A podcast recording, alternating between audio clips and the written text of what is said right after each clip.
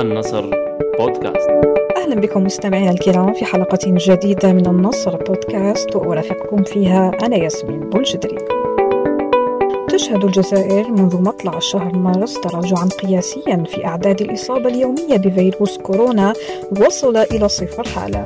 مؤشر يبدو مطمئنا وهناك من يرى أنه يمهد ربما لنهاية الجائحة. بالمقابل تعيش الصين ودول أوروبية ارتفاعا مقلقا في حالات الوفيات الناتجة عن الفيروس بينما لم يصدر عن منظمة الصحة العالمية بعد أي تصريح بأن الخطر قد زال. فما هو رأي العلماء في هذا الأمر وهل يجوز لنا القول إن الجزائر صارت بمنأى عن الخطر؟ هذا ما يجيبنا عنه الدكتور يحيى عبد المؤمن مكي اختصاصي علم الفيروسات والمستشار السابق بمنظمة الصحة العالمية. نرحب بك دكتور مكي ونشكرك على تلبية الدعوة. تشهد الجزائر خلال الأيام الماضية ولأول مرة منذ عامين عدم تسجيل إصابات جديدة بكورونا علميا كيف نقرأ هذه المؤشرات الإيجابية؟ تحياتي لك ولكل القراء الكرام والمستمعين لحصة جريدة النصر الأساس هو أنه اليوم كيف نرى تطور جائحة كوفيد 19 إذا رأينا للعالم فما زال فيه بعض الدول الإصابات مرتفعة وعودة عودة الموجات للصين في منطقة شنغهاي في أوروبا فرنسا ألمانيا.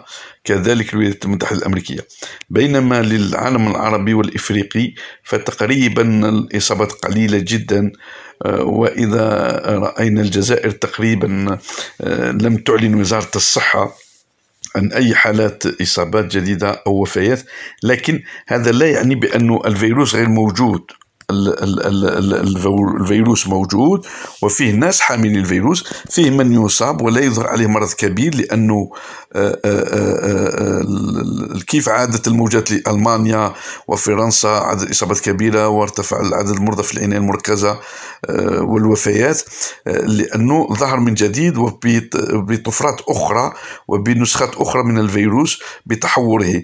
بينما الجزائر الحمد لله والمغرب العربي عموما وإفريقيا اجمالا الإصابات قليلة ولكن الفيروس ما زال موجود ما بين الناس وربما فيه ناس يظهر عليهم كالزكام أو كالبرده ولذا تكون لنا دائما ال ال ال يعني اليقظة والحراسة وتتبع الفيروس كيف يتطور. وهذا دور وزارة الصحة ودور معهد باستور وكذلك الطاقم الطبي الولائي في كل ولاية في الاحصائيين للأوبئة. فسوف يراقبون هذا. هنالك مخاوف من تأزم الوضعية الوبائية في الجزائر مع الارتفاع الأخير للحالات في الصين وأوروبا كما تفضلتم. هل يمكن القول إن الجزائر بمنأى عن موجة إصابات جديدة؟ بالنسبة للجزائر نعم يا ريت نكون انتهينا من من الجائحة والفيروس أصبح فيروس يعني عادي وهذا ما ربما نتوقعه نحن كعلماء وأخصائيين إن شاء الله فيروس كوفيد 19 سارس كوف 2 بكل متحولاته ومتغيراته الفا وبيتا ودلتا واوميكرون ان شاء الله سوف يكون ان شاء الله فيروس كالانفلونزا يصبح فيروس موسمي وربما ربما اذا لا قدر الله يعني يسقط منه طفره كبيره من مركبات الجينات ويستطيع ان يزول لكن هذا مستحيل حاليا ربما ما زلنا نعيش لعده سنوات مع الفيروس فتكون موجه في الصيف ربما موجه في الخريف ربما موجه في الشتاء الله اعلم من هذا لأنه حاليا نستطيع أن نقول متى سوف تكون الموجات القادمة لأنه ظهر الفيروس منذ بدايته في كل المواسم موسم الشتاء والخريف والخريف شتاء ربيع الصيف على حسب موجات الأولى والثانية والثالثة والرابعة. فربما سوف يصبح فيروس موسمي مع فيروسات الجهاز التنفسي مثل la grippe الإنفلونزا الف باء مثل VRS مثل ال rhinovirus l'adénovirus كل الفيروسات التي تنتشر بكثرة في الخريف والشتاء وهذا نظرا للبرد الطقس ونظرا للاكتظاظ والتقارب الأشخاص والرذاذ الذي يخرج من الأنف والفم واللعاب. فهنا العدوى تنتشر في في الخريف والشتاء وتقل في الربيع والصيف لأنه الشمس تكون قوية حرارة وحراره وفتح النوافذ والاتساع ما بين الأشخاص والعطل الصيفية تنقص من العدوى طيب دكتور هناك سؤال يتبادر إلى أذهان الكثير منا اليوم وهو هل انتهت جائحة كورونا وهل أصبحت مرضا فيروسيا موسميا كالإنفلونزا مثلا أم أن هناك احتمالا بظهور طفرات جديدة؟ يستطيع أن يظهر فيروس جديد أو متغير جديد وهذا ما يجرى اليوم في هذه منذ شهرين في أوميكرون تطور إلى أربع فروع أوميكرون باء ألف واحد باء ألف اثنين باء ألف ثلاثة باء ألف أربعة. فأوميكرون أصبح مثلا باء ألف واحد واثنين أصاب شخص واحد في نفس الوقت فأعطانا فيروس جديد.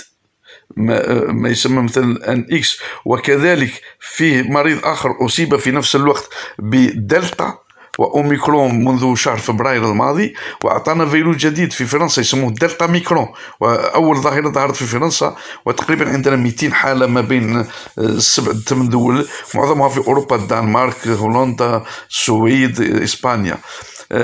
كذلك الصين لماذا عاد وارتفعت إصابة في الصين؟ وأغلقت كل منطقة 70 مليون نسمة لأنه متحور أوميكرون أعطانا متحور آخر. وما لاحظناه في متحور أوميكرون كلما يتغير في تركيباته البروتينات الغلافية سبايك كلما يزيد كثرة الانتشار وسرعة الانتشار وكثرة التكاثر في الخلايا لكن لحد الآن الإصابات أقل ضررا وأقل وفيات لكن في بعض الأشخاص يتوفون بكوفيد 19 بأوميكرون هل انتهينا من هذه الجائحة؟ لا في الأخير دكتور ما هي النصائح التي يمكن توجيهها للأشخاص بخصوص إجراءات الوقاية في ظل هذا المعطى الصحي الجديد؟ ما نستطيع أن نقوله هو أنه لا أحد في مأمن ولا دولة ولا رئيس ولا قارة من هذه الجائحة تستطيع أن تكون من جديد موجة خامسة في شمال إفريقيا في الجزائر المغرب تونس السابعة لأنه فرنسا ضربت بالسادسة في هذه الأيام بأوميكرون وألمانيا. فربما تعود لكن نصبح كفي علم الزلازل. الزلازل فيه الزلزال الأول الذي يكون قوي. وفيه آه، آه، آه، هزات يعني ارتجالية من بعد قليلة ضعيفة لمدة أيام. فهكذا في الموجات الوبائية بالخبرة لأنفلونزا جائحة أنفلونزا 1917 18 19 التي قتلت ما يفوق 50 مليون نسمة 50 مليون شخص. لأنه آنذاك لم يكن فيه مضادات حيوية لا أنتيبيوتيك ولا مضادات الفيروسات ولا لقاحات آنذاك. فالسبب الكثير والنقص المجال والمجاعة والفقر آنذاك وقلة الصحة وقلة المستشفيات بينما اليوم بفضل العلم بفضل الله سبحانه وتعالى وبفضل العلم والعلماء من الجزائر إلى جاكرتا آه، ومن آه، نيويورك إلى بوتسوانا ومن الصين إلى البرتغال. فبفضل العلم وبفضل المال وبفضل العلماء والرجال وصلنا إلى اللقاح في أقل من سنة ولنا تقريبا سنة خبرة من التلقيح تماما. فكل الدول تقريبا لقحت فيه دول لقحت جيدا ما يفوق 80% دول 50% ودول فقيرة لم تلقح جيدا لحد الآن.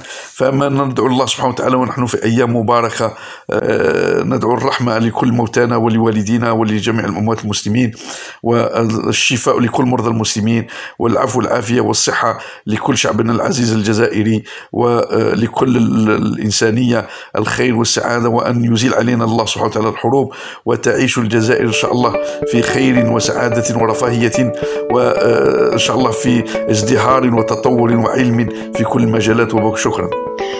لك دكتور يحيى عبد المؤمن مكي على كل هذه المعلومات المهمة. نشكركم أنتم أيضا مستمعين على طيب المتابعة. في الأخير لا تنسوا الاشتراك في حسابنا على جوجل بودكاست ليصلكم جديد حلقاتنا. يمكنكم أيضا الاستماع إليها في موقع جريدة النصر على الإنترنت وعلى تطبيقي أنكر وسبوتيفاي. إلى اللقاء.